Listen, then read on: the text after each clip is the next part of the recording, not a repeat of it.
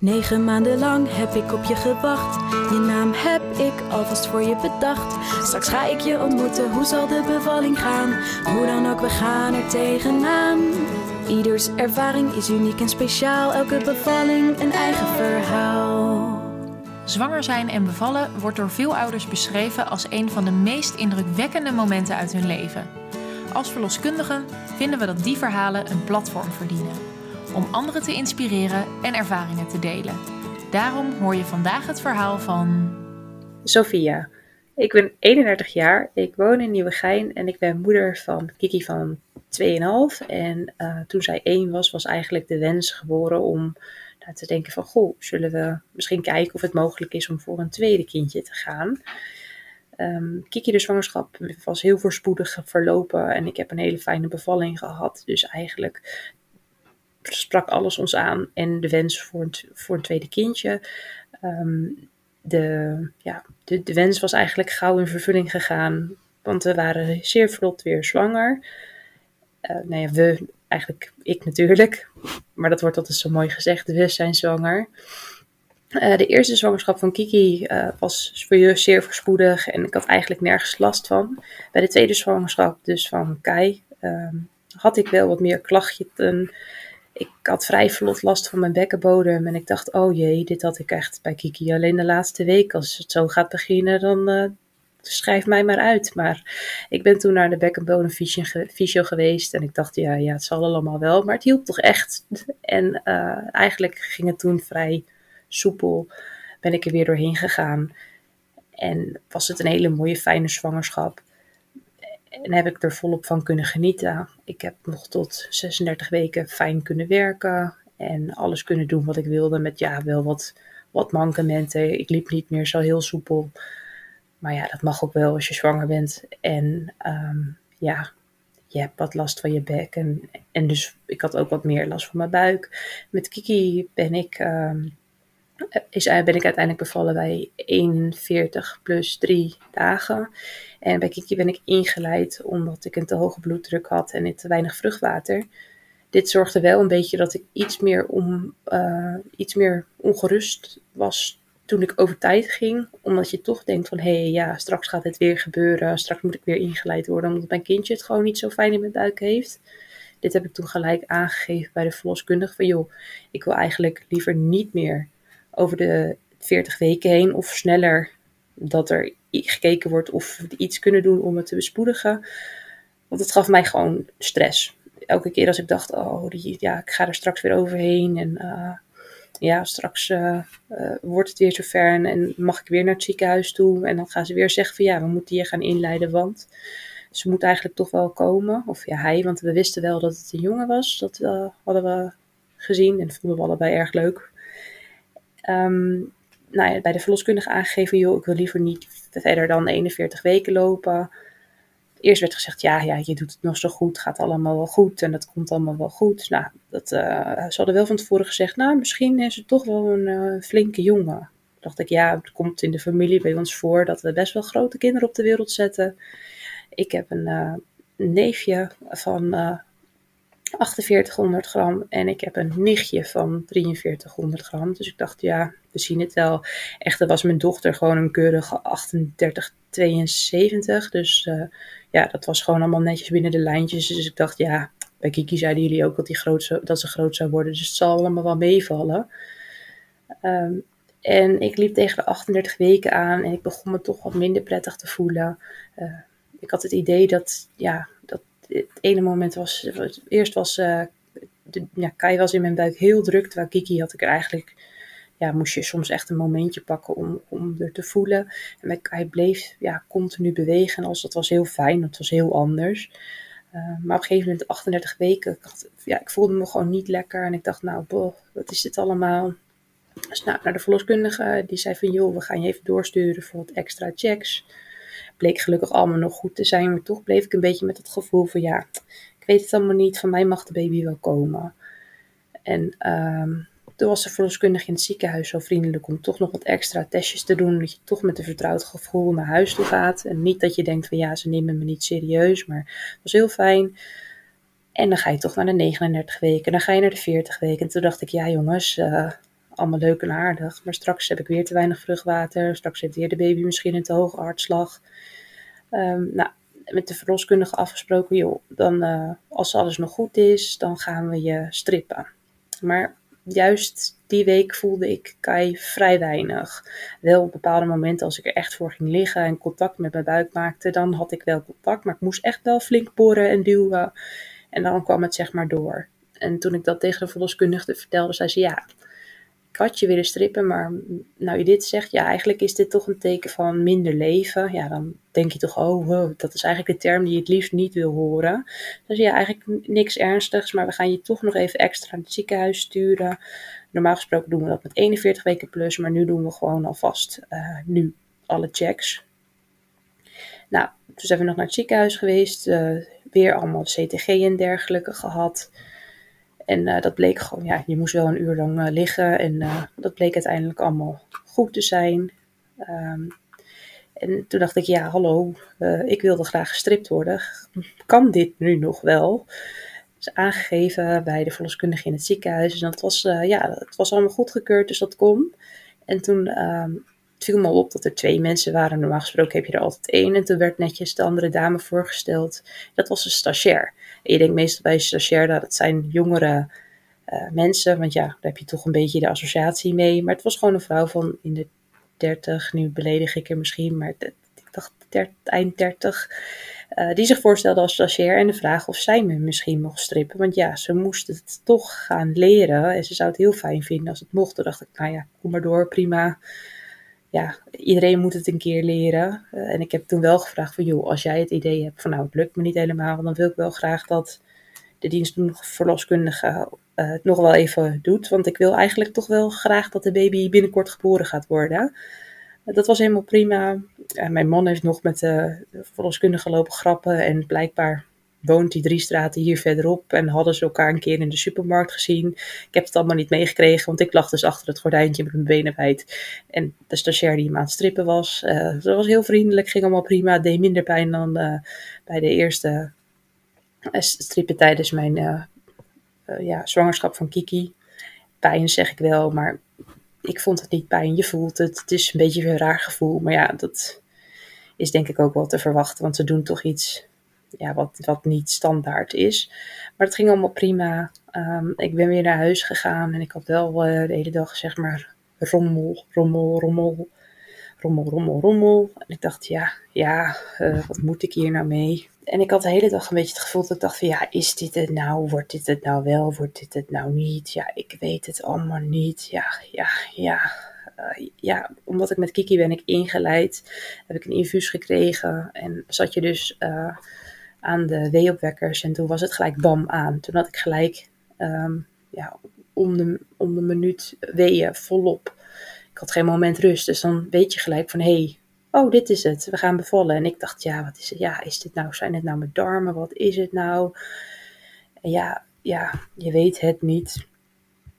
Dus uh, smiddags nou rustig aan. Uh, je probeert nog een beetje bij de buurvrouw koffie te gaan drinken. Maar toch zit je eigenlijk al niet helemaal lekker. Uh, ja, s'avonds, ik denk dat het rond 8 uur was, dacht ik, nou, uh, iedere keer, ik had het idee, iedere keer als ik ging zitten, dat het dan stopte. En als ik stond, dat het dan wel bleef gaan, zeg maar, een beetje het rommelen, het weeën. En ik was het eigenlijk gewoon zat, de hele dag dat gerommel. Dus ik dacht, weet je wat, ik ga gewoon staan. Ik ben een poos in de keuken gaan staan. Nou ja, dan sta je toch een beetje te vervelen, dus ga je een beetje heen en weer ijsberen. Um, mijn man werd lichtelijk gek van mij en die zei van, ja, wat ben jij nou weer aan het doen? Ga nou zitten. Ik zeg, nee, want ik wil dat het doorzet. Ik ben er nu wel een beetje klaar mee. Nou, na een uur rondbanjeren en dacht ik, nou, ik ga toch maar eens timen. En zat ik op een W van, uh, nou, elke vijf minuten ongeveer een W. Maar ja, het was maar 30, 40 seconden lang ongeveer. Dus ik dacht, ja, ja, het is niet echt de moeite nog. Maar toch continu het gevoel dat ik uh, naar de wc moest en dat ik moest poepen. En ja, nou ja, na 28 keer proberen op de wc, uh, ga je toch zitten en denk je, nou, ja, nou, het zal wel gewoon een scheet zijn. Ik kan best wel een scheetje laten. Nou, dat had ik dus niet moeten doen. Want ik zei, um, ja, ik ga toch even onder de douche staan, want dit ging een uh, tikje mis.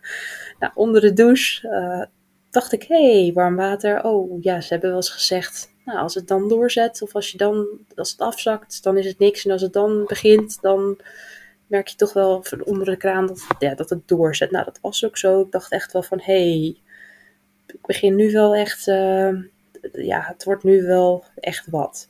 Dus ik de verloskundige gebeld. Um, ze gaf aan dat ze even wel langs wilde komen. Alleen het was een plaatsvervangende verloskundige. Want mijn eigen verloskundige had al een bevalling op dat moment. Um, zelf ben ik daar heel nuchter in. Want we zaten ook bij een grote verloskundige praktijk. Waar we twee teams hadden. Paars en groen volgens mij. En ik denk dat ik wel tijdens mijn zwangerschap vier of vijf verschillende verloskundigen heb gezien. Maar dat vond ik eigenlijk alleen maar prima. Want ik dacht altijd, ja, dan heb ik in ieder geval iedereen een keer gezien. En dan heb ik niet een vreemd gezicht aan mijn bed staan straks. Nee, dat was dus eigenlijk wel zo. Want er kwam inderdaad een vreemde dame aan. De plaatsvervangende dienst toen, een verloskundige. Nou, een hele vriendelijke vrouw.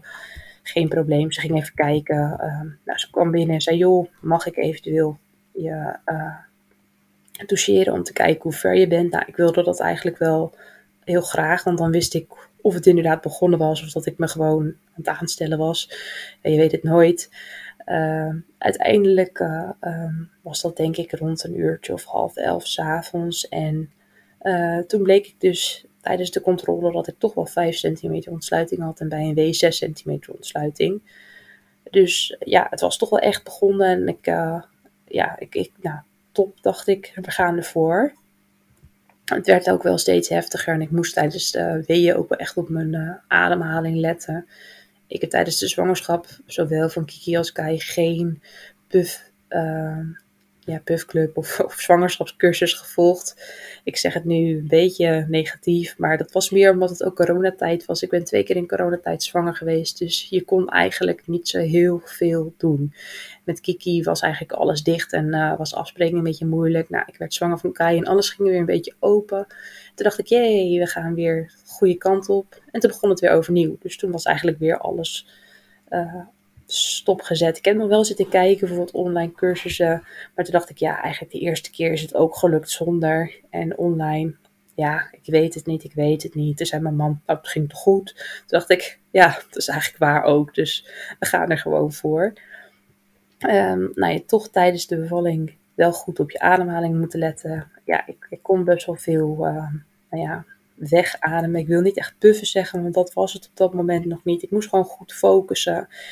En uh, ja, op een gegeven moment uh, uh, ga je een beetje in je eigen bubbel. En, en ehm, ja, sta je een beetje. Ik, staan vond ik gewoon fijn om, om het op te kunnen vangen. Een beetje heen en weer te kunnen wippen op mijn benen, zeg maar. En nou, op een gegeven moment rond. ik denk dat we rond 11 uur zeiden ze van nou, ik denk toch wel dat we richting het ziekenhuis moeten gaan. Want het gaat wel lekker. En ik wilde heel graag bevallen bij het ziekenhuis bij ons in de buurt. Nou, overal was het natuurlijk druk, dus was er van tevoren al aangegeven. Ja, het kan ook zijn dat je ergens anders heen moet. Toen dacht ik, ja, in de auto en dan moet ik straks, dan heb ik een kind dat op de vluchtstrook geboren wordt. Ja, je gaat toch een beetje doen denken. Dat viel gelukkig allemaal wel mee. De volkskundige ging bellen en er was nog één kamer bij ons ziekenhuis waar, we graag wilden, waar ik graag wilde bevallen beschikbaar. Dus zei van, joh, zal ik die maar vast uh, ja, reserveren? Ik weet niet precies hoe ze dat doen, maar zo gezegd, zo gedaan. Bij de auto in. Uh, eigenlijk, ze ging voordat ik. Uh, uh, voordat de auto ging, gingen ze nog even opnieuw doseren om te kijken hoe ver ik was. Ik heb toen wel tegen mijn man gezegd: ja, als ik nu op 8, 9 centimeter zit, dan ga ik die auto niet meer in, want dan doe ik het wel thuis. Terwijl ik helemaal niet de voorkeur had voor thuis bevallen. dit omdat mijn, in de familie komt ernstig bloedverlies voor. Dus ik dacht, nou, ik heb toch liever gewoon ondanks dat ik dat bij Kiki niet heb gehad, toch dat het in het ziekenhuis is. En uh, zodoende ging ze nog even toucheren. Nou, toen zat ik iets verder, maar nog niet heel veel verder. Volgens mij 6, 7 centimeter ongeveer. Dus toen zijn we in de auto gestapt en het is een kwartiertje rijden naar het ziekenhuis. En ik dacht, oh, dit wordt echt de langste rit van mijn leven. Maar eigenlijk viel dat best wel heel erg mee. Uh, bij de eerste bevalling had ik dat natuurlijk niet gehad, want dan ga je gewoon nou ja, zeg maar nog net niet met je haar in de krul naar het ziekenhuis. Want je weet, op die dag word ik ingeleid. Dus ja, je pakt rustig je spulletjes. Je hebt alles bij elkaar geraapt. En uh, ja, en nu was het zeg maar wel met weeën de auto in. Uiteindelijk heb ik denk ik vier of vijf keer mijn weeën op moeten vangen in de auto. Dus het viel nog hartstikke mee. En was het eigenlijk prima te doen. Ik heb niet op uh, handen en knieën op de achterbank gestaan of wat dan ook. kon gewoon prima nog zitten. Dus uh, dat was gewoon fijn. En uh, Niels, mijn man, kon ook gewoon op een normaal tempo naar het ziekenhuis zonder dat het met alle toetsen en bellen hoefde. Dus dat ging gewoon prima. En nou, we waren in het ziekenhuis aangekomen met de dienstdoende met de verloskundige, de, de, niet de, dienst, ja, de dienstdoende, maar de plaatsvervangende, zeg maar, nog met ons mee. Uh, nou, dat ging eigenlijk wel prima. Ik heb me voornamelijk opgehouden in de badkamer in, de, in het ziekenhuis. Want dan kon ik lekker de wastafel vastgrijpen. Dus die kon ik goed vasthouden. En daarmee kon ik dan uh, zeg maar grip houden en de weeën rustig wegademen. En dat was eigenlijk uh, prima te doen. Ehm, ik denk dat de weeën rond ja, half, half twaalf ongeveer steeds heftiger werden. En de dienstdoende verloskundige probeerde heel bemoedigend iedere keer te zeggen: Ja, je doet het echt, echt heel goed. Je kan het echt. Ja, het gaat goed. En uh, oh, wat goed doe je het. Ik had mijn man al een paar keer aan zitten kijken. Want wij zijn heel nuchter. En ja, ik dacht: Ja, je doet het goed. Ja, wat sta ik hier nou te doen? Een beetje te zuchten en te steunen. Ja. Ik, hou daar nooit zo van. Het is niet aan mij besteed. Dus ze bedoelde het echt heel lief. En na de tiende keer, voor mijn gevoel, aangehoord hebben van, oh ja, je kan het, heb ik er echt vriendelijk op mijn allervriendelijkste toegebeten of ze je alsjeblieft mee op wilde houden. Want ik zeg, ja, ik snap dat je het lief bedoelt, maar dit helpt voor mij gewoon echt niet. Het begint een beetje op mijn zenuwen te werken. Gelukkig snapt ze dat gelijk en zei ze ook goed dat je het aangeeft, want ik ben hier voor jou en niet om, om je op de zenuwen te werken. Niet heel, heel lang daarna kwam mijn eigen verloskundige, die ik uh, zeg maar tot ons team behoorde, binnen. En uh, die nam het over. En uh, die dame had ik toevallig ook vaker gezien. En uh, ik denk dat toen ook ongeveer de, de kraamzorg kwam er ook bij. Dat het ziekenhuis had kraamzorg uh, die dan aansluit bij de bevalling en kijken waar ze kunnen helpen. En ze vroeg van, joh, wil je dat we nog even keer gaan toucheren om te kijken waar je nu ongeveer zit met je ontsluiting? Nou, ik heb een uh, bedrijfseconomische achtergrond, dus ik doe het heel goed op cijfertjes. Dus ik dacht, ja, ik wil de cijfers weten, want uh, ik weet dat het niks zegt. Dat het kan er heel lang duren, ook al zit je op 8 centimeter. Maar ik dacht, joh, ik wil het toch wel weten. Nou, toen zat ik dus uiteindelijk op 8 centimeter, dus dat was voor mij wel de bevestiging dat het echt wel wat, wat, uh, wat deed en dat het goed ging. Um, de kraamzorg was dus binnengekomen. Daar was ook de, nog een stagiair mee. Dus ik heb gewoon iets tijdens mijn zwangerschap met stagiaires. Uh, die zat dus ook gezellig in de kamer. Ik heb helemaal eigenlijk verder geen last van die mensen gehad. Um, op dat moment niet. De, ja, de weeën werden steeds heftiger. En op een gegeven moment dacht ik, oh, ik trek het toch niet meer op om mijn benen te gaan staan. Je werd er toch een beetje moe van. Um, ik denk dat rond... Uh, kwart over één ongeveer, zei de verloskundige van, joh, ga anders even op bed liggen, want ik zie dat je moe begint te worden en zullen we wat anders proberen. Toen dacht ik, ja, ja, prima, maar um, ja, hoe ga ik op dat bed komen? Zei ze, nou, anders probeer je eerst de skippybal om daarop te gaan zitten. Nou, is helemaal lief heeft ze hem voor me opgezocht, ergens uit de achterhoek van, de, van het ziekenhuis, denk ik. Maar ze had hem gevonden. Ik heb er twee seconden op gezeten en dacht ik, oh nee, dit vind ik echt helemaal niks. Dus uiteindelijk toch het uh, bed geprobeerd. Nou, prima. Um, nou ja, geprobeerd. Je laat je er soort van oprollen. Want heel veel posities kan je niet meer echt aannemen. En heel veel voelt niet heel fijn. Toen dacht ik, oh, ik word misselijk. Ik, ik, ik ga, dit het voelt niet goed. En tijdens uh, Kiki, haar bevalling, dus mijn dochter, ben ik verschrikkelijk over mijn nek gegaan. Dus ik heb ook toen het aardig opschoot. Dus ik dacht, oh, dit gevoel herken ik. Dus mijn man had al van tevoren, toen we die kamer net opkwamen, alle kastjes opengetrokken om bakjes te zoeken. Want weet nog dat ik toen net niet over hem heen heb gekotst. Dus hij dacht, ja, we gaan eerst bakjes opzoeken. Want uh, anders dan ben ik weer de Sjaak. Uh, dus nou, ondertussen zaten dus de verloskundige, die, nou, die stond gewoon rustig op een afstandje en die ja, deed eigenlijk haar dingetje. Ik had het een beetje het idee dat ze administratie aan het doen was. Waarschijnlijk niet, maar dat was wel heel fijn, want dan had ik dus niet het continu, oh je kan het, je doet het echt heel goed, wat ik dus niet fijn vond. Um, de, de kraamzorg en de stagiair zaten, denk ik, op anderhalve meter afstand op een stoeltje. Voor mijn gevoel eerste rangs toeschouwers. En uh, ondertussen ging ik dus op het, op het bed flink over mijn nek. Maar toen was het dus heel fijn dat de kraamhulp er was en de stagiair. Want die ging, kwamen gelijk met doekjes en nieuwe bakjes en alles werd schoongemaakt. Dus eigenlijk ja, je hebt echt het idee van joh, uh, oh, uh, wat doen ze hier? Maar dan is het toch heel fijn dat je extra handjes hebt en dat ze er dat ze zijn. En ja, was gewoon fijn toch dat ze er zijn en dat je een beetje ondersteuning hebt. Ook al heb ik eigenlijk werkelijk waar geen woord met die mensen gewisseld. Want dat stond mijn hoofd totaal niet naar. Op een gegeven moment de kraamzorg probeerde nog een leuk praatje met mijn man te maken. En toen heb ik hem heel veel aangekeken van wil je alsjeblieft je mond houden. Want ik zit nu in mijn eigen bubbeltje en dit stoort. Dus uh, dat begrepen ze allebei gelukkig wel. Op een gegeven moment was het dus, denk ik, ja, het moment dat ze de, de verloskundige zei van... joh, voor het laatste stukje is het misschien slim dat je op je handen en knieën gaat zitten op het bed. Toen dacht ik, ja, oké, prima, dit uh, gaan we proberen. Um, want ik had zo'n idee van, ja, op mijn rug bevallen, dat heb ik bij Kiki gedaan. Was helemaal prima, ging gewoon goed. Maar toch uh, ja, ga je wat lezen online en merk je toch dat vaak ook verwezen wordt naar de zwaartekracht. Hoe dat werkt wel mee. Toen dacht ik, ja, dat klinkt eigenlijk best aannemelijk. Dat als je een andere houding aanneemt, dat dat baby misschien ook gaat schuiven of uh, ruimte gaat maken of, of wat makkelijker gaat. Um, dus ik op handen en knieën. Uh, ja, uiteindelijk vond ik dat niet zo heel erg fijn.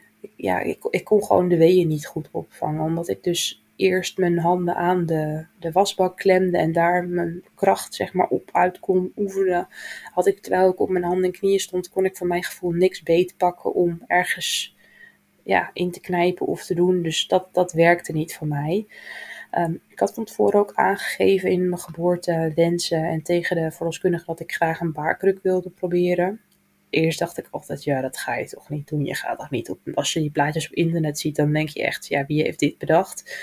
Maar op het moment zelf denk je, ja, nou ja, uh, zwaartekracht. Je staat soort van verticaal. Dus het kind, in het meest gunnige geval, glijdt naar beneden. Zo, zo hip is het. Dus, zo gaat het nou ook niet helemaal. Maar toch is het wel. Uh, dacht ik, dit ga ik toch wel proberen. Dus uh, de baarkruk werd opgezocht. Um, ik werd op de baarkruk gezet en nog steeds zaten de stagiair, de, de, de kraamzorg en de stagiair kraamzorg op uh, nou, een meter afstand. Toen dacht ik, ja jongens, dit vind ik niet meer leuk.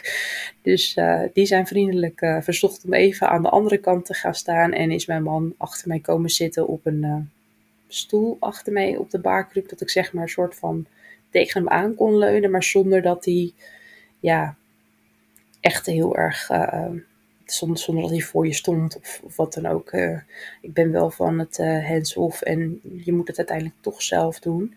Um, ik vond het wel heel fijn, want toch waren we samen zonder dat je dus last van elkaar hebt. En um, nou ja, op de baarkruk gezet gaf de verloskundige aan van joh, wil je misschien een spiegel, dan uh, kan je meekijken. Toen dacht ik ja, prima, kom maar door. Dus ze legde de spiegel zeg maar voor me neer, niet helemaal onder. Um, maar ik had mijn bril niet op. En zonder, ik heb dus een bril voor ver af, dus zonder bril zie ik niet zo heel veel. Dus het was een heel leuk idee, maar ik dacht, ja, dat maakt me ook allemaal niet meer uit. Want uh, op zo'n moment denk je daar niet zo heel erg veel aan. Alleen ik dacht wel, oh ja, maar mijn vliezen zijn nog niet gebroken. Wat, wat, wat help, wat moet ik nu? Dat ja, bedenk je ineens, waarom ook niet. Dus ik tegen de verloskundige, ja, maar mijn vliezen zijn nog niet gebroken. Toen zei ze, ja, dat maakt helemaal niet uit, want anders worden ze in de vliezen geboren. Toen dacht ik, ja, daar heb ik wel eens een filmpje van gezien. Nou, op het moment dat ik het nog niet gezegd had, was het plons. En uh, sprongen eigenlijk mijn vliezen en begon de persdrang. Um, ja, ze zeggen altijd persdrang, dat herken je wel. Nou, dat herken je ook echt wel. Dat wist ik nog heel goed van mijn dochter. Uh, je denkt, uh, ja, nou, het zal allemaal wel. Nou, echt, je herkent het wel. en um, de verloskundige gaf aan van, goh, je mag een klein beetje mee gaan persen. En uh, ja, nou ja, dat, ik ook goed naar haar moest luisteren. En nou, je perst op een gegeven moment mee en je luistert goed. Ik had ook aangegeven van, joh, um, bij mijn uh, eerste bevalling is eigenlijk ben ik er zonder kleerscheuren afgekomen. En vond ik het heel fijn dat de verloskundige toen een soort van aanwijzing van nou, nu moet je even stoppen. Uh, ga nu maar weer door met persen heeft gegeven. En uh, ook dat heeft mij toen heel erg zeg maar ondersteuning gegeven. Zonder dat, uiteindelijk moet je het zelf doen. Maar het gaf me wel het gevoel dat je toch het samen deed. Zeg maar dat, dat er hulp was met wat moet ik nou eigenlijk? Want jij doet het allemaal voor de eerste keer. Dus bij de vervalling van Kai dacht ik, nou, dit ga ik ook. Ik ga goed weer luisteren, want de vorige keer is me dat goed bevallen. En ja, hun doen elke avond, uh, als ze pech hebben, een bevalling. Ehm, of als ze geluk hebben, want ja, ze kiezen er toch zelf voor. En nou, zo gezegd, zo gedaan. Op een gegeven moment zei de verloskundige, ja, uh, nou, mag je gaan persen, het hoofdje staat. Ze nu moet je, in mijn optiek schreeuwde ze naar me, nu moet je goed naar me luisteren. Toen dacht ik, ja, ik heb ook letterlijk teruggestuurd, ja, wat wil je dan dat ik doe? Want het, het komt als het, ja, als het gebeurt, dan gebeurt het. Dat kan je niet meer tegenhouden. Ja, het moet eruit, heb je het idee. En uh, nou, om rond twee uur was dat dat ik echt op de paarkruk zat en dat mijn vliezen gebroken waren. En uh, bij Kiki is mijn bevalling heel voorspoedig gegaan. En bij Kai uh, dus ook, want ik zat rond twee uur op de baarkruk. En rond ja, precies zes over twee is, mijn, is, zo, is onze zoon Kai geboren. En ehm, ik ehm, had aangegeven, joh, als ik hem zelf kan aanpakken, dan wil ik dat wel doen. Dus heb ik hem zelf aangepakt en kon ik hem uh, op mijn borst leggen. Echter moest nog wel de navelstreng even van zijn nekje afgehaald worden. Want die zat twee keer om zijn nekje heen. Maar dat kon gewoon gedaan worden toen hij bij mij op de borst lag. Want ik had blijkbaar een bijzondere lange navelstreng. Want verloskundige zei zo, uh, zo'n lange navelstreng heb ik nog nooit gezien. Want nou ja, hij was blijkbaar erg lang. Ik zie niet zo vaak een navelstreng, dus dat weet ik niet. Maar zij gaf aan dat, het, uh, nou, dat, hij, dat hij lang was. En later heeft ze hem ook nog uh, na de geboorte de patiënten laten zien dat hij inderdaad vrij lang was. Want ze, lag, uh, slecht uit dat hij normaal gesproken een stuk kleiner is. Um, was geboren en ik dacht, oh ja, daar is mijn kleine jongetje. Ja, ik had dus een dochter van op dat moment nog geen twee. En dat is toch wel uh, echt een kind al in mijn optiek. En je krijgt een klein babytje in je armen. En je denkt, ach, daar is mijn kleine baby. En uh, de verloskundige zei, zo mam, het is wel een grote jongen. Toen dacht ik, ja, grote jongen, het is gewoon een kleine baby. Waar, waar heb je het over? En uh, ik dacht wel van, ja, uh, is het wel een jongen? Want ja, je hoort wel eens dat het toch een ander geslacht was. Nee, het was, ja, het was echt een jongen. En uh, we wilden graag de navelstreng volledig laten uitkloppen. Dus de uh, Kai werd bij mij neergelegd en uh, de placenta is ook voorspoedig geboren. Dus die werd naast mij neergelegd. en nou ja, echt even rustig kunnen genieten van het momentje samen. Zonder dat er nog iets ja, moest of gecontroleerd moest worden na 20 minuten is de placenta geboren door middel van uh, een paar keer persen en dat de verloskundige mijn buik masseerde. Ze zeggen wel eens dat het pijn doet, maar eigenlijk eh, bij mij totaal niet. En was het meer een plot van dat ik echt heel actief mee moest gaan persen. Um, Niels had de navelstreng doorgeknipt en uh, Kai werd meegenomen voor zijn controles en het weegmoment en alles. En de verloskundige had dus al gezegd, nou het is wel een flinke jongen. En je bent toch wel benieuwd van, hoeveel weegt hij dan? Dus hij werd op de, op de weegschaal gelegd. En toen werd er door de verloskundige en de kraamzorg gezegd, zo, 47,10. Dus mijn man en ik tegelijkertijd, wat? Wat zeg je? Uh, hoe zwaar? Ja, 47,10 en 56 centimeter. Toen dacht ik, oh ja, het is dus wel echt een flinke jongen. En uh, niet maar in mijn optiek een klein kind, of een klein, kleine baby. En um, nou ja, uiteindelijk, uh, ja, het maakt niet zo heel veel uit, maar je kreeg te horen van ja, hij is toch wel uh, een grote jongen, dus je moet wat langer blijven, want we moeten suikercontroles doen. En uh, nou ja, je hoort toch van ja, het is een flinke jongen en, op het moment dat je aan het persen bent, ja, dat doet gewoon verschrikkelijk pijn. Je voelt het, de ring of fire, wat ze zeggen, dat, dat is het ook wel echt. Dus je denkt, althans ik dacht, nou, ik ben volledig uitgescheurd van boven tot onder. Um, dus op het moment dat uh, Kai aangekleed werd door papa, ging de verloskundige even kijken of, uh, ja, wat er allemaal aan de hand was. Toen zei ze, ze bracht de verlossende woorden, nou, alles ziet er netjes uit. Dus ik vroeg nog, joh, uh, moet er nog iets gehecht worden? Ben ik uitgescheurd? Nee, nee, eigenlijk helemaal niks. Ik dacht, oh, oké, nou, dit is top. Dat is heel fijn met uh, Kiki de geboorte had ik gelukkig ook geen uh, kleerscheuren en schrammen of dergelijke. Dus dat was super fijn. En ik had eigenlijk verwacht door zo'n zware baby dat het misschien wel het geval was. Maar gelukkig was dat allemaal niet zo.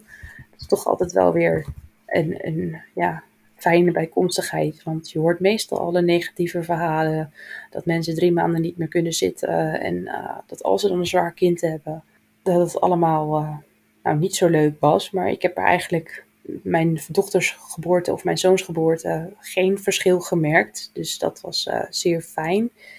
En we moesten dus voor de suikertesten van Kai wel heel even in het ziekenhuis blijven. Hij moest uit mijn hoofd drie keer getest worden, uh, zodat ze konden zien dat hij geen dipje zou gaan krijgen.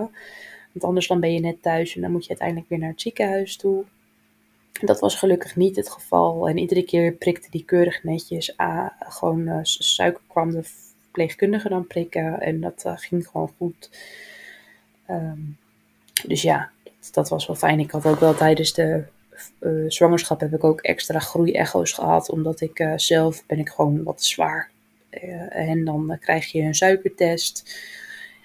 De eerste keer bij Kiki heb ik het ook moeten doen. Eh, en dan denk je, oh, daarna dan ga je op internet kijken en dan lees je wat dat is. En dan lees je dus alleen maar negatieve verhalen van, oh, dat is heel vies en je gaat er van over je nek. Nou ja, ik ben nogal een 7-up liefhebber. En ik vond het een beetje naar 7-up zonder priksmaak, alleen dan heel zoet.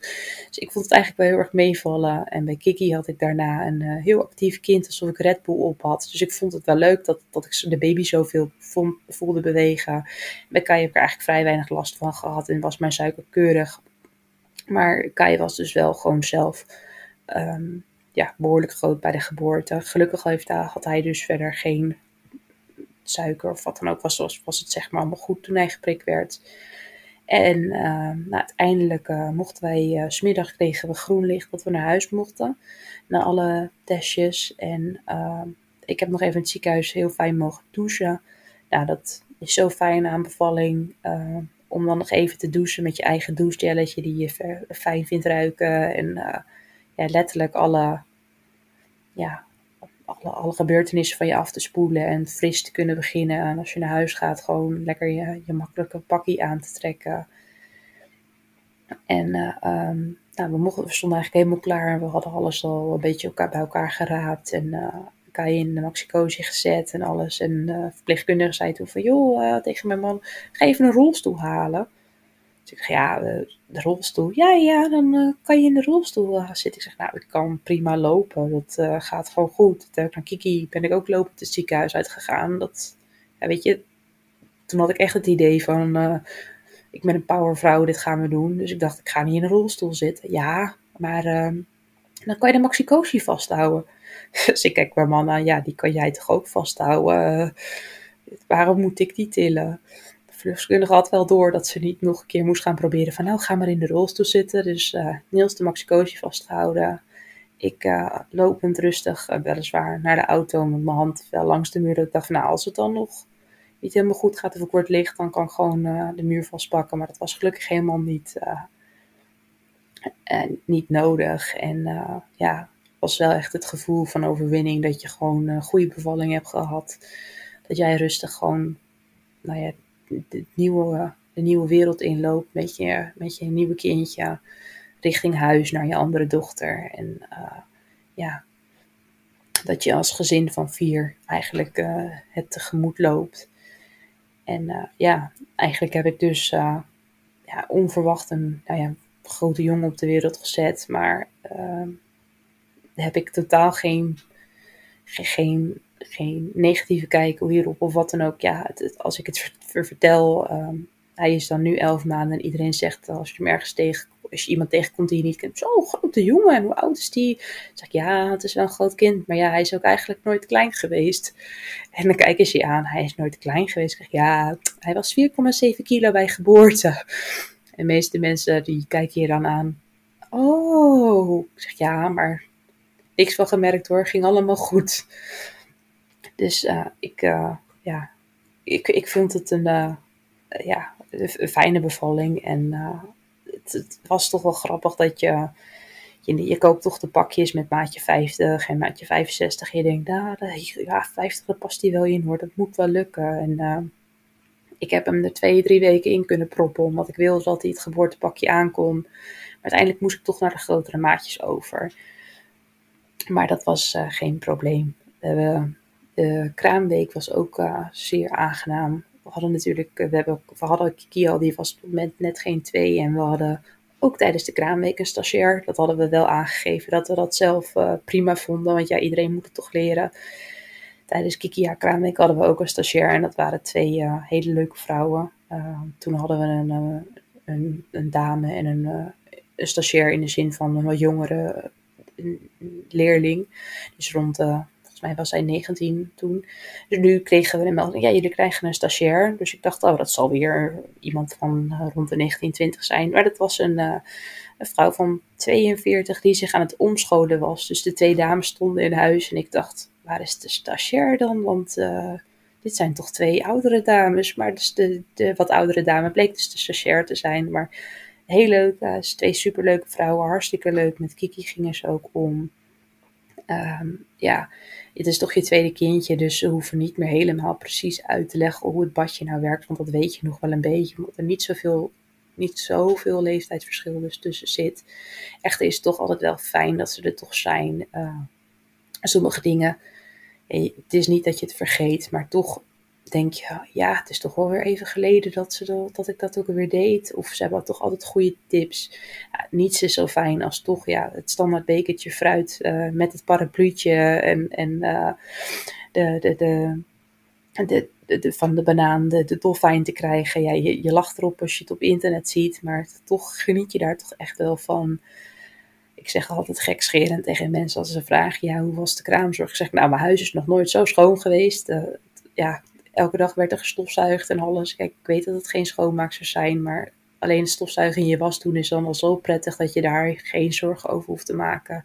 Dat je gewoon optimaal kan genieten van je, van je kind, kinderen eigenlijk. Want je hebt natuurlijk wel de baby, maar ja, onze dochter was natuurlijk ook gewoon nog. Die kreeg heel leuk nog een, uh, zeg maar een, een kraamzorgdiploma. Omdat ze de broertje mee had geholpen in bad te doen. Nou, die was zo trots als, uh, als het maar zijn kan. Dus het was super leuk. En uh, zowel als op de valling als op de kraamtijd kijk ik echt met een heel positief gevoel terug. En uh, ja, allemaal heel positief. Dit was de podcast voor deze keer. Te gek hè, dat zoveel vrouwen zo eerlijk en open hun ervaringsverhalen met ons willen delen.